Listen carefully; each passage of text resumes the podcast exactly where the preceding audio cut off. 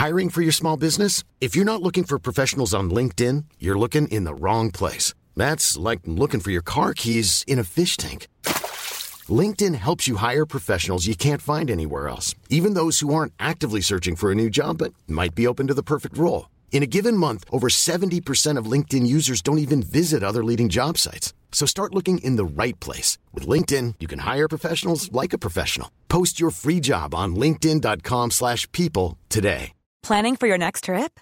Elevate your travel style with Quince. Quince has all the jet-setting essentials you'll want for your next getaway, like European linen, premium luggage options, buttery soft Italian leather bags, and so much more. And is all priced at 50 to 80% less than similar brands. Plus, Quince only works with factories that use safe and ethical manufacturing practices. Pack your bags with high-quality essentials you'll be wearing for vacations to come with Quince. Go to quince.com slash pack for free shipping and 365-day returns. Hey, Dave. Yeah, Randy. Since we founded Bombus, we've always said our socks, underwear, and T-shirts are super soft. Any new ideas? Maybe sublimely soft. Or disgustingly cozy. Wait, what? I got it. Bombus. Absurdly comfortable essentials for yourself And for those facing homelessness. because one purchased equals one donated. Wow, did we just write an ad? Yes. Bombas. Big comfort for everyone. Go to bombas.com slash ACAST and use code ACAST for 20% off your first purchase. Et år på bibelskole, et liv med substans. Bibelskole Substans ligger i Bergen, tett på folk og fjell. Vi løfter fram etterfølgelsen av Jesus, Bibelen, framtiden, menighet, samfunnsliv og ikke minst ledelse, fordi vi tror på alle menneskers potensial til å påvirke og lede i sin hverdag. Et år på bibelskole, et liv med substans. Sjekk ut mer på substans.co, eller søk oss opp på Facebook. Bibelskole Substans.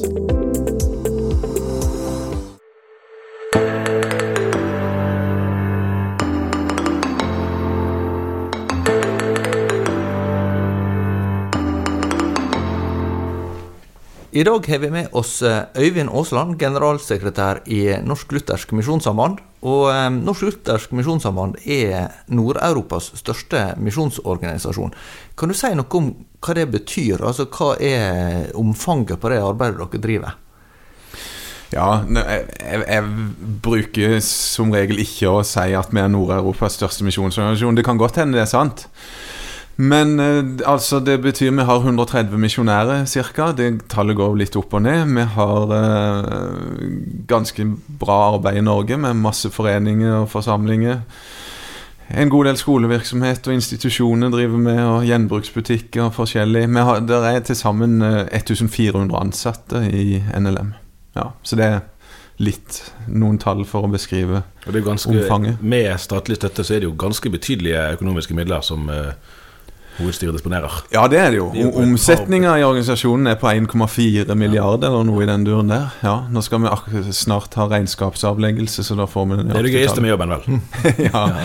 ja, nei, Det er mange ting med jobben som jeg ikke er særlig flink til, så det, men jeg er ganske god til å delegere. da Har veldig mange gode folk med meg. Og så har du begynt med podkast selv om du ikke er på Facebook. Stemmer det. Jeg, jeg tenkte at jeg skal nedverdige meg til å bli med på denne podkasten her, selv om jeg egentlig Så vi driver en- produktreklame. med Ottosen og General, altså. Ja, ja. Eh, du har jo vært generalsekretær nå siden 2010. Uh, kan du si noe om hva som har vært viktig for deg eh, som leder i NLM? Hva har du vært opptatt av å prioritere? Ja, det som har vært viktig for meg sånn generelt, da, det er å, å ta vare på de verdiene, på den visjonen og på det kallet som, som eh, kom til NLM i 1891, og, og, og, nå de minst nådde være en radikal, utadrettet organisasjon som når mennesker med evangeliet. Og, og så har det vært viktig for meg å, å på en måte ta vare på de verdiene og prøve å føre det inn i en ny tid. For det at vi vil eh, At vi er glad i det som har vært, betyr jo Ja, det er jo litt sånn konservativ politikk, det der å forandre for å bevare, ikke sant? Men det er, er noe i det altså i NLM, at uh, vi vil gjerne nå mennesker med evangeliet. Vi vil være radikale Uh, på den måten der. Ikke politisk sett nødvendigvis, men og, og, og, og, det hva du må endre. Å å være leder betyr, at du, betyr egentlig å endre ting, da. Så, Så det har jeg prøvd på, å leve i den balansen og spenninga der.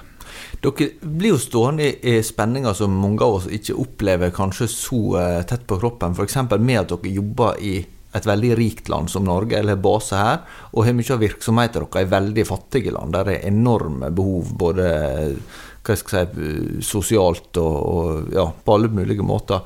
Hvordan opplever du den spenninga sjøl? Du har også vært i Kenya som misjonær og levd tettere på folk som er helt annen virkelighet enn vår. Ja, det, det er veldig tøft å leve midt oppi som misjonær. Eh, og, og, ha folk i nærheten som, som sine venner og, og, bekjente. Og i, i den landsbyen vi levde, var det jo enorme behov.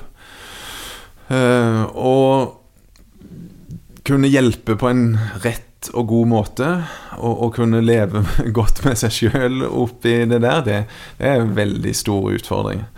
Så det er jo Ja på den ene sida så, så, setter en jo virkelig pris på å komme fra Norge og alt det gode som, eh, som følger med der. Av materiell velstand og, og, sikkerhet for helse og, og, alt sammen. Og så blir det en, en stor, et stort spørsmål av hvordan kan vi dele det her på en god måte. Vi må jo dele, men det går an å dele på en sånn måte at du at du egentlig ikke hjelper folk, du bare hjelper de dypere inn i en, en avhengighet av, uh, av, hjelperen. Så det er noen av dilemmaene som vi lever med. Vi sitter nå på et hotellrom i Polen i forbindelse med European Leadership Forum, som konferansen heter.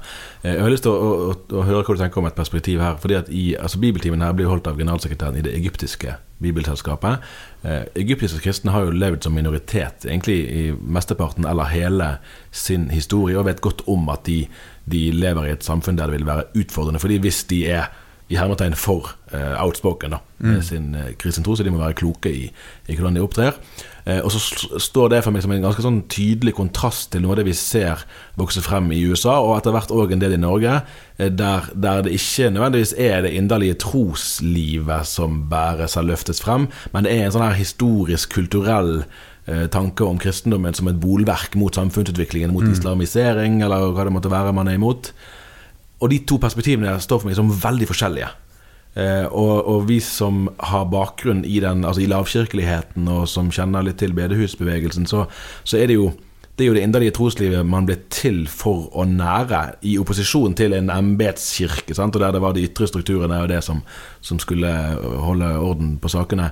Hvordan, hvordan forstår du NLM sin og din egen rolle i et sekularisert samfunn der du har en del sånn høyrøstet eh, kristendomsforsvar, eh, en eller annen variant, og så får For du har vært opptatt av stemmene fra sør, mm. eh, der mentaliteten er ganske forskjellig. Ja, Noe av det sterkeste jeg gjør, det er å møte eh, kristne i, i, i settingen der de blir forfulgt.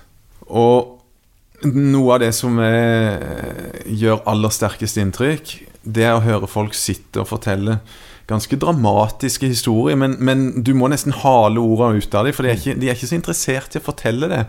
Og tenke på det egentlig som en selvfølge, som en del av hverdagen. Og, og, og Bibelen forteller oss jo at uh, hvis du vil være en kristen, så kommer du med omkostning, og, du, mm. og, forfølgelse skal på en måte være en del av, uh, av normalen. Ja.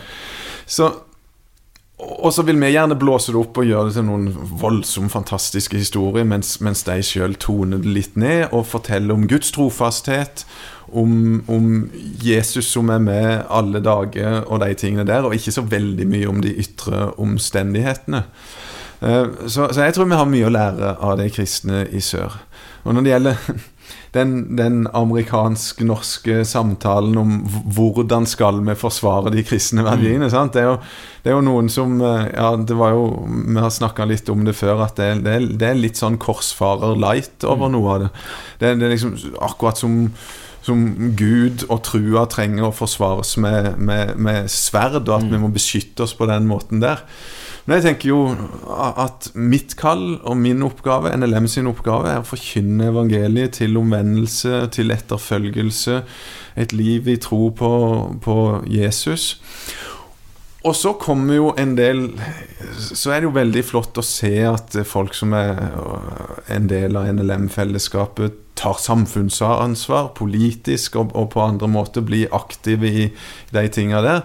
Men for oss er det viktig å holde fast på et, et klart evangelisk siktemål, og vi, vi forkynner sånn at mennesker skal bli frelst. Mm, mm. Og, og, og, og, ikke så mye i opposisjon mot ting, men øh, Og, det er overhodet ikke noe poeng for oss f.eks. Å, å, å hindre muslimer i å få utfolde trua Mm, si. mm.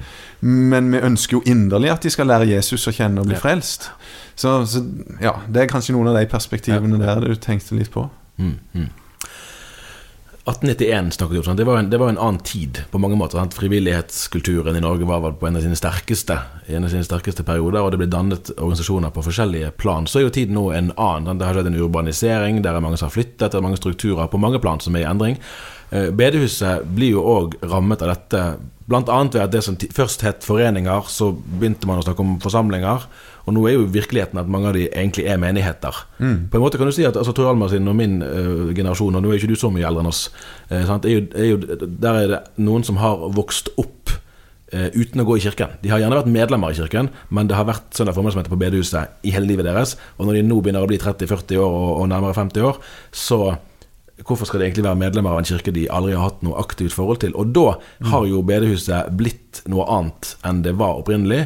Eh, Jeg lurer på hvordan du tenker da om behovet for å, å etablere f.eks. Altså tydeligere rammer for liturgisk bevissthet. Skal vi ha trosbekjennelse, skal vi ha synsbekjennelse, skal vi ha nattverd? Hvordan skal vi ha nattverd? Skal vi ha dåp, konfirmasjon, vigsel, gravferd? Eh, Alle de tingene som følger med å være kirke. Det hadde, hadde vært masse debatt om, om trossamfunn, f.eks., men det var jo egentlig mer enn en registreringssak. Det var jo ikke snakk om en, en virksomhetsendring i noen vesentlig grad. Men det kan jo være det kommer mer av det nå. Ja, det gjør jo det. Og det, jeg, jeg har alltid sagt at i det øyeblikket det ble organisert dåp på bedehusene, som, som skjedde litt sånn umerkelig. Det var ingen som merka det, men plutselig så ble det mer vanlig med dåp, i- iallfall i vår sammenheng, da, og jeg tror generelt i Bedehus-Norge. Så begynte det jo å skje en, en endring der. Jeg, jeg mener jo altså, Det er viktig å understreke sånn teologisk, så tenker jeg jo at det er kirke, det vi har drevet med hele tida. Når vi har hatt foreningene våre, enten det er hjemme eller på bedehuset, og der, der to eller tre samles i, i Jesu navn, der han midt i, i, iblant oss. Og, og, og vi, vi har alltid hatt eh, fri nattvær i, i NLM, og mange som har praktisert dåp hjemme eller på bedehuset. Så så sånn prinsipielt så, er det- så er det kirke vi har drevet med hele tida. Men, men i praksis så skjer det jo noen ting når det her blir mer organisert. Det blir klokka 11 på formiddagen med, med, med full betjening av, av, med sakramenter og forkynnelse og, barne- og ungdomsarbeid og alt sammen i, under ett tak. Og, så, så der skjer det jo ting. I, i NLM så, så er det en komité nå som holder på å jobbe med menighetsteologien i NLM. Um, et aspekt som kommer fram, eh, er jo et behov for tilsyn, som kanskje er litt større enn det har vært før. Jeg, jeg, mener jo at igjen at altså Vi har hatt byforsamlinger, f.eks., og der, der det er helt tydelig at en kretssekretær eller nå en regionleder har en form for tilsyn. Så jeg tror jo vi har en del strukturer, at det ligger til rette for at det her kan gå ganske greit. Men, men det må jobbes litt med både teologisk, hvordan vi egentlig tenker om det vi holder på med nå. Eh, Sånn at ikke det bare skjer ting uten at vi har et bevisst forhold til det, og, og de praktiske sidene ved det. Det er helt klart. Det er jo også sånn at Hvis en ser historisk på det, så er jo NLM eh, prinsipielt vært tilhenger av statskirkeordninga. Det var jo et spørsmål en vel snudde kanskje før du ble generalsekretær. Men altså at eh, ut fra en, fra en tanke om at det gir en kristen innflytelse i Norge, og at det gir et utgangspunkt for å, for å spre evangeliet. Eh, Men nå vil en jo ikke bare eh, kanskje ha et fjernere, at mange har et fjernere forhold til Den norske kirke, men også så er det sånn at en kanskje regner med noe hjelp fra kristendomsundervisning i skole, eller at det er en, en lever i en sånn kristen majoritetskultur som NLM vokste fram ifra da, i sin tid. Mm. Tenker du at det også gjør noe med forkynnelse, og hva en skal at hvordan en skal jobbe planmessig med kristen formidling i det hele- tatt, både for barn og unge, men, men også for voksne? Ja, det er helt klart det. Du kan si eh, Ja, bare for å ta det først med de endrede forutsetningene. Det er jo, det er jo veldig mange med en lemtilknytning som fortsatt er glad i folkekirka, da, og, og, og, og har sin plass der. Og, og, det har jo jeg sagt veldig mange ganger, at jeg har stor respekt for det. Sjøl har jeg meldt meg ut. Mm. Men, men, jeg har stor respekt for at det går an å se det annerledes og, og, og, være medlem der fortsatt. Men det er klart, noen av de premissene som Ludvig Hope la til grunn for sin kirketenkning, som har prega oss veldig, de, de, er jo borte, som, som du antyder, med, med eh, sterk kristendomsundervisning i skolen og, og så videre og sånn. Um, men jeg, jeg, tenker at uh, det med f.eks. planmessig forkynnelse tenker igjen Altså, vi hadde jo mange mange mange forkynnere som reiste landet rundt og hadde møteuke. Så det, det, er jo det praktiske aspektet med det, at det, det blir en endring i virksomheten vår der. Og at eh, i og med at noen har, og ganske mange har bedehuset og den forsamlingen som sitt åndelige hjem, så, så, blir det viktig at vi forsikrer oss at vi forkynner hele Guds råd, da, som vi gjerne sier, og at, at det er en planmessighet eh, i det. Så så er det jo noen eh, Sjøl så, så tilhørte jeg en familie som som gikk i kirka når det var helt nødvendig, holdt jeg på å si. Altså, og, og, og, og, ellers ikke. Så jeg har jo hatt min oppvekst på et bedehus med, med møtehuke og, det du kan kalle litt mer tilfeldig forkynnelse. Og, noen mangler kunne du nok finne der, men, men totalen syns jeg var ganske bra på det òg, Så jeg, jeg er litt redd for å overdrive de endringene som er i ferd med å skje, selv om jeg innser at det er noen, da, så, så, tror jeg ikke de skal overdrives heller. Hva muligheter ser du for samarbeid? Altså, nå er NLM uh, iallfall Norges største misjonsorganisasjon. da. uh, men, men hva muligheter og behov ser du for samarbeid med andre kristne i Norge i den situasjonen som er nå? Ja, jeg har alltid satt samarbeid veldig høyt og hatt stor glede av fellesskapet som finnes i Norme, f.eks. Norsk, norsk råd for misjon og evangelisering heter det. Stemmer. ja, Norsk råd. Det er, det er veldig mange norske uh, misjonsorganisasjoner og kirkesamfunn er medlem. Det Svakheten med, med Norme sånn sett er jo at det blir et, et samarbeid på ledernivå. Det er ledere stort sett som, som møtes, og, og, det er nyttig og bra. Eh, ellers rundt på bedehusene så ser vi jo veldig tydelig at, at et eh, tettere, mer systematisk samarbeid med ikke minst Indremisjonsforbundet er jo veldig viktig for oss. Noen har jo tatt til orde for fusjon og forskjellig, og det, det, kan jo være det blir aktuelt en gang. Jeg tror ikke det er det akkurat i, i dag, men, men, at vi har et avklart forhold til hvordan vi samarbeider på bedehuset, der vi tidligere har delt på å ha møteuker på forskjellige tider. Nå er det forsamlinger på søndagen som gjelder. Det, det, det krever jo at vi kan samarbeide godt. Et av de skillene som går litt gjennom kristenheten, i hvert fall på våre breddegrader, er jo Vi kaller det for høy- og lavkirke. Altså om kirken måte bygges ovenfra med prester og biskoper, eller om den bygges nedenfra fra, fra grasroten. Jeg hadde en sånn tankevekkende opplevelse for en del år siden på Nå skal jeg ikke si hvem dette her var. Vi satt på, på Fjellhaug, altså NLM sin eh, høyborg, i lunsj, eh, altså i kantinen der. Og vi var fire stykker, og det var, det var meg og en annen som kom fra, altså fra vestlandsk, ganske sånn lavkirkelig indremisjon, der man ikke gikk i kirken mer enn høyst nødvendig. Og to som hadde vært, eller var ansatt i NLM, som har tradisjon for å være en mer sentralstyrt uh, størrelse. Og det var artig at alle fire argumenterte for det motsatte. Mm -hmm. Altså De to fra NLM de ville nei, de må roe ned det der, la folk starte nye virksomheter. Ikke, ikke så farlig med overbygninger. Mens vi som da kom fra det mer uavhengige Vestlandet, vi var ute etter nei, men vi trenger litt mer eh, struktur og orden i sakene her. Så kan ting gå alle veier i vår tid. Ja. Eh, og jeg lurer litt på om, om vi ser for det er jo kanskje en sånn tendens i kunnskapssamfunnet og i generasjonen som etter hvert er vant med å søke forskning og søke faktisk kunnskap, og ikke bare hatt altså, man, er, man er strengt opplært til at det skal være forskningsbasert sant, på alle, alle bauger og kanter. At man, det kan føre til en form for høykirkelighet, og at man stoler ikke helt på sin egen dømmekraft, som mm. kanskje det myndige lekfolket som det ble kalt før, gjorde i større grad. At man ser til myndighetspersoner. Eh, og at, og at, at der, kan ut, altså der utfordres gjerne noe av historien. da til den selvutnevnte lavkirkeligheten. Mm. At man, man, der kommer en forventning fra småbarnsfamilier f.eks. Nei, men vi må ha en pastor. Ja. Altså ikke det ordentlig. Ja, det er en interessant beskrivelse. Jeg, kan, jeg, jeg kjenner meg igjen i, i, i, noe av det. Altså, det, det, er jo, det er jo Vi er jo en del av en evangelikal familie, og det er klart det, det, det er mye mer rotete. så, så, det er klart for noen så, er, så, så har det å underkaste seg paven blitt alternativet. Det, det, har jeg store problemer med å forstå at de kan gjøre av mange forskjellige grunner. Men, men det er jo noe der at, at en søker en viss orden, kanskje, og at det, det blir mer tydelig i, i, vår tid enn det var før. Vi snakker jo ofte om at nådegavene flyter opp mm. på bedehusene før, og, og da var det noen som som hadde en nådegave til å lede, som kanskje av de andre ble ansett som ledere. Og så kunne det jo være fristende da å tilta seg en lederposisjon, kanskje for noen, i, det at det ikke var så veldig sterke strukturer og sånn.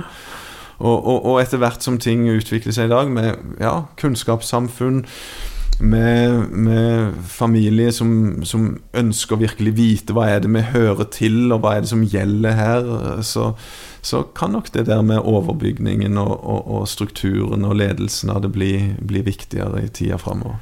Men er det noe som du tenker at dere må altså Du nevner at det er en komité som jobber med det, men altså er det noe som du tenker det er et generelt behov for i Kristen-Norge i dag, sånn som du, du ser landskapet? Det, altså av og til så har jeg sagt at, at i, i, NLM så vi, har, har, vi en litt sånn en eh, lederkrise, kanskje identitetskrise, fordi at det, det, er definitivt slutt på den tida der vi hadde noen høvdinger som fortalte oss hvordan ting skulle være. Og så har vi kanskje ikke helt klart å tilpasse oss en ny tid med, med nye idealer for ledelse og hvordan ting skal henge sammen. Sånn at vi strever litt i det landskapet der med, med å finne ut hva hva vil det si å være en leder i en kristen organisasjon? Det kan kanskje gjelde noen andre også. Mm. Men i LM så, er det i fall, så, så kommer vi nok til å, å, komme noe mer tydelig hva vi tenker om, om uh, forsamlingsledelse, menighetsledelse og, og, og tilsyn av, av menighetene. Det, det en, har blitt ganske tydelig etterlyst av en del av forsamlingslederne våre. Så der kommer vi nok til å gjøre noe eh, om ikke så altfor lenge. Noe av det Altså, En av de første gangene jeg møtte deg som generalsekretær, eh, det tror jeg var når Egil Grandhagen, som var generalsekretær før, eh, skulle ha avskjedsforelesning. Det, det, var kanskje et par år ute i din tjeneste, jeg husker ikke helt nøyaktig når det var. Men da trakk han frem Han hadde forsket på kirken i Østen, som, hatt, eh, som, ikke hadde statskirkelige privilegier på samme måte som han har hatt i Vesten. Og en av de tingene han trakk frem, var klosterbevegelsen som veldig betydningsfull for, altså for den kristne dannelsen og utviklingen over tid. Mm. Og så Nå skal jeg trekke en litt, litt, litt lang parallell. For når jeg er på Fjellhaug av og til, så tenker jeg at dette miljøet her sant? Der det både er høyskole og det er staben, altså sentralkontoret og hovedkontoret til NLM, og det er jo mange som bor der. og dette, bibelskole. Ikke minst. Ikke mm. minst. Mm. at dette er jo egentlig ganske unikt i Norge med at du har et helt miljø der man kan Altså man bor der og man arbeider der, og man går til, gjerne til møte gudstjenester sammen òg. Og man kan være så sterke at man kan, kanskje kan bli en boble. Mm. I hvert fall tilløp til det.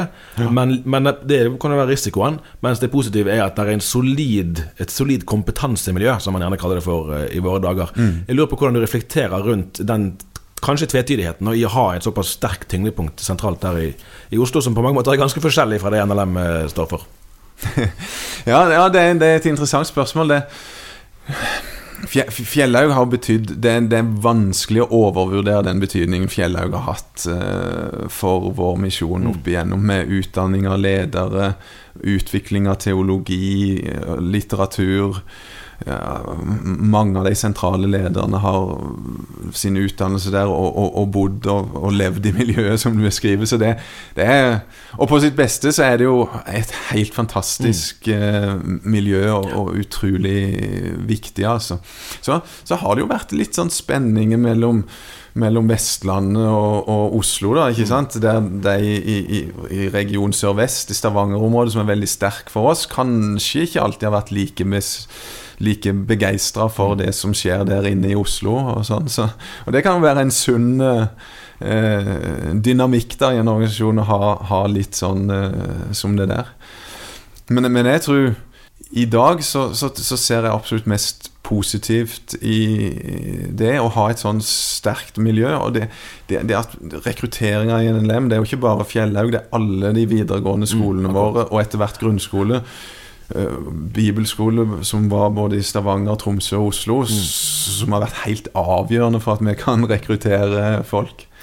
Og, og så er det jo det der med å lukke seg inn i bobla, da, som, som aldri er særlig bra. Men jeg ser jo at det er unge mennesker på Fjellhaug som absolutt er, er bevisste på den faren der, og, og f.eks. drive og plante menighet, som de kaller det, minst, ja. i, i Oslo akkurat nå, der jeg får være en del av et sånn planteprosjekt, og det er utrolig inspirerende.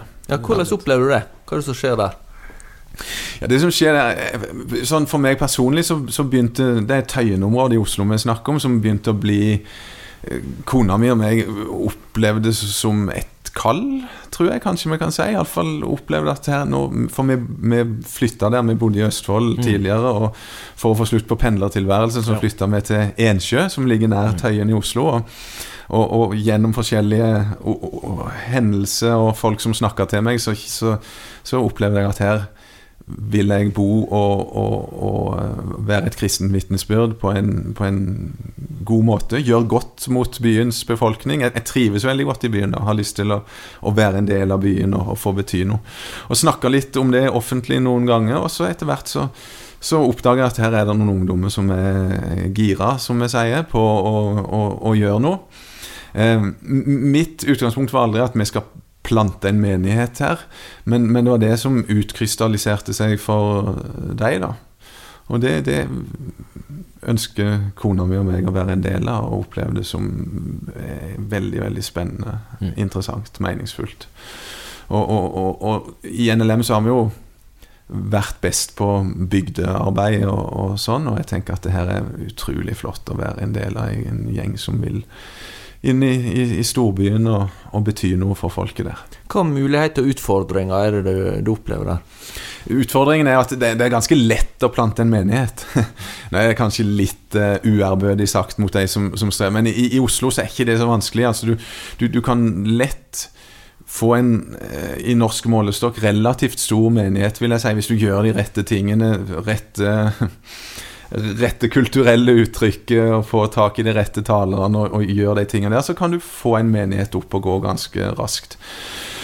Men vi er enige om i, i den gruppa som jeg tilhører nå, at, at vi, vi, det er ikke det vi ønsker. Eh, Vi ønsker å nå ut til befolkningen som faktisk lever og bor på Tøyen. Og det er en ganske stor utfordring. Hvordan gjør du det? Og da snakker vi jo hvordan kommer vi i det hele tatt i kontakt med folk? Det er noen av de her som har begynt å flytte til området nå og bosette seg der. Noen som har involvert seg i sportsarbeid. Kona mi og meg har tenkt å, å, å, å melde oss til tjeneste i det frivillige arbeidet som allerede er der, i, i, norskundervisning f.eks. Gå litt natteravn, bli kjent med, med folk i, i bydelen og, og, og få kontakt på den måten der. Og vise folk at vi, vi bryr oss om dem på vanlig menneskelig vis. Og så, så vil vi forhåpentligvis eh, få se dem i, i menigheten etter hvert. Ja, visst, ja, visst. Te- Går det an i din jobb å telle arbeidstimer, eller liksom ha en rytme med For det er litt sånn spørsmål når du skal være involvert lokalt òg, Ja. Går du hjem til middag, liksom, så er det ferdig, kan du bare er du vekke et antall helger, eller kommer, er det bare helt flytende der, at det blir som det blir? Det er, nok, det er nok litt for flytende, kanskje. Men jeg prøver å, å ta, eh, ta vare på meg sjøl og ta vare på familien. Det har alltid vært veldig viktig for meg. Og, og, og mange vil kanskje bli overraska over hvor mange dager jeg har vanlig kontordag. Prøver å jobbe effektivt og godt og, og tenke at jeg skal ha, ha fri på ettermiddag og kveld. Og var jo involvert i barna sin aktivitet og sånn. Nå er de ute allerede, så det, det er jo noe av det som gjør at vi kan tenke at vi kan engasjere oss eh, lokalt. Men det nytter jo ikke å telle timer, så gjør ikke det. Og jeg teller ikke reisedøgn og sånne ting heller. Men, men prøve å holde litt styr på det, da, sånn at jeg kan overleve i denne jobben. Ja. Dere har jo et motto som er veldig hva jeg skal si, omfattende. 'Verden for Kristus'. Nei, det blir ikke så mye mer Nei. Jeg gjør ikke det. Eh, hvordan eh, det, altså, du, du er jo nå, som du forteller om, er involvert i det lokale, og samtidig så driver dere virksomhet i mange land, eh, på, eh, i forskjellige verdensdeler. Eh, hvordan opplever du skal være engasjert på en måte i så mye der ute? Altså, det å være engasjert i noe lokalt er noe som man kan forstå, men det å ha ansvar for medarbeidere og prosjekt og sånn som ligger ja, rundt omkring i verden, da. Hvordan opplever du det? Jeg, jeg har jo levd med det engasjementet for verdensmisjonen siden jeg var liten guttunge. Syns det var utrolig spennende å høre når Gunnar Roseng kom hjem han med sambygding, en misjonær i Etiopia som, som var ganske eh, ja, hadde sentral posisjon på hovedkontoret etter hvert. Og, og sånn, og han, han fortalte om, om arbeidet i Etiopia, syns jeg var utrolig spennende. Så det jeg, jeg, har alltid vært veldig engasjert av det. Jeg syns det er spennende å, å, å, følge med. Og, og tror at det er et særpreg med NLM. da Et sterkt lokalt engasjement, og, og et minst like sterkt engasjement for, eh, for de minst nådde. Og sånn, den åndelige virkeligheten der at det går mennesker, milliarder mennesker, fortsatt i dag, uh, uten å ha hatt noen mulighet til å, å, å, høre evangeliet forkynt på sitt språk. Sånn no choice people, mm. kaller vi det jo av og til. Det, det, er jo en sånn åndelig realitet som, som, som, som, jeg tenker at må bety noe for alle kristne mm. som, som, virkelig har fått møte Jesus som frelser og eneste vei til, til Gud. Så, så, så, det er den åndelige realiteten. Og så er det jo fantastisk spennende å lære nye ting om nye kulturer og, og, og være engasjert i det. Og det er jo, det er jo noe som ungdom òg tenner på for tida, som liker å, å, å oppleve nye ting og sånn. Så, så, jeg opplever at personlig så, så er det veldig naturlig, og, og, generelt i organisasjonen så er det et engasjement som, som går hånd i hånd. Det, det, har jo vært litt diskusjon om hvor mange prosent av midlene skal brukes ja, hjemme og ute og sånn, men, men, men generelt så, så, så, ser de aller, aller fleste at uh, vi trenger begge deler for å overleve som organisasjon og for å gi videre evangeliet på en god måte. Du jobber jo med, med evigheten for øyet, og de fleste prosessene vil jo da gjerne være langsiktige. Ja. Når, hvilke dager er det du går hjem og virkelig tenker at dette er en fantastisk jobb å ha? Ja, Det er hvis jeg har fått snakka med med unge mennesker. Det hender at det kommer eh, folk fra Fjellhaug innom mitt kontor fordi de eh, strever med kall. Mm. Eller kanskje ikke strever med, men, men iallfall vil ha noen å snakke mm. med om, om, om, om, det som de opplever som et kall til å gå inn i misjonstjeneste. Lurer på hva slags muligheter det er i, i, i NLM.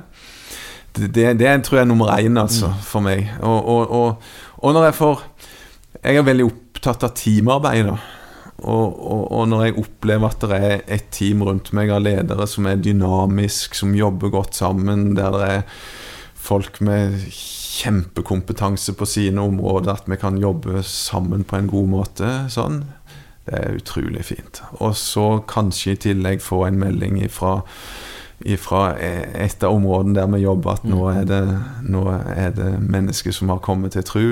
Det nytter, det vi holder på med ja, det er ganske mange dager som er gode dager på jobben for meg. Altså. Er, og for å oppleve å stå liksom i et sånn levende, vibrerende arbeid der, der ting skjer hele tida, det, det er flott. Det er bra å høre.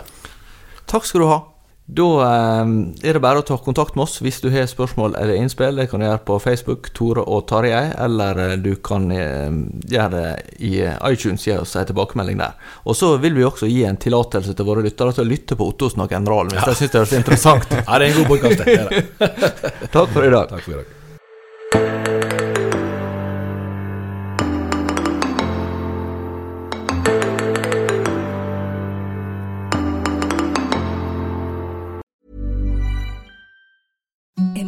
Softest sheets you've ever felt. Now imagine them getting even softer over time. That's what you'll feel with Bowl and Branch's organic cotton sheets. In a recent customer survey, 96% replied that Bowl and Branch sheets get softer with every wash. Start getting your best night's sleep in these sheets that get softer and softer for years to come. Try their sheets with a 30-night guarantee. Plus, get 15% off your first order at bowlandbranch.com. Code BUTTERY. Exclusions apply. See site for details.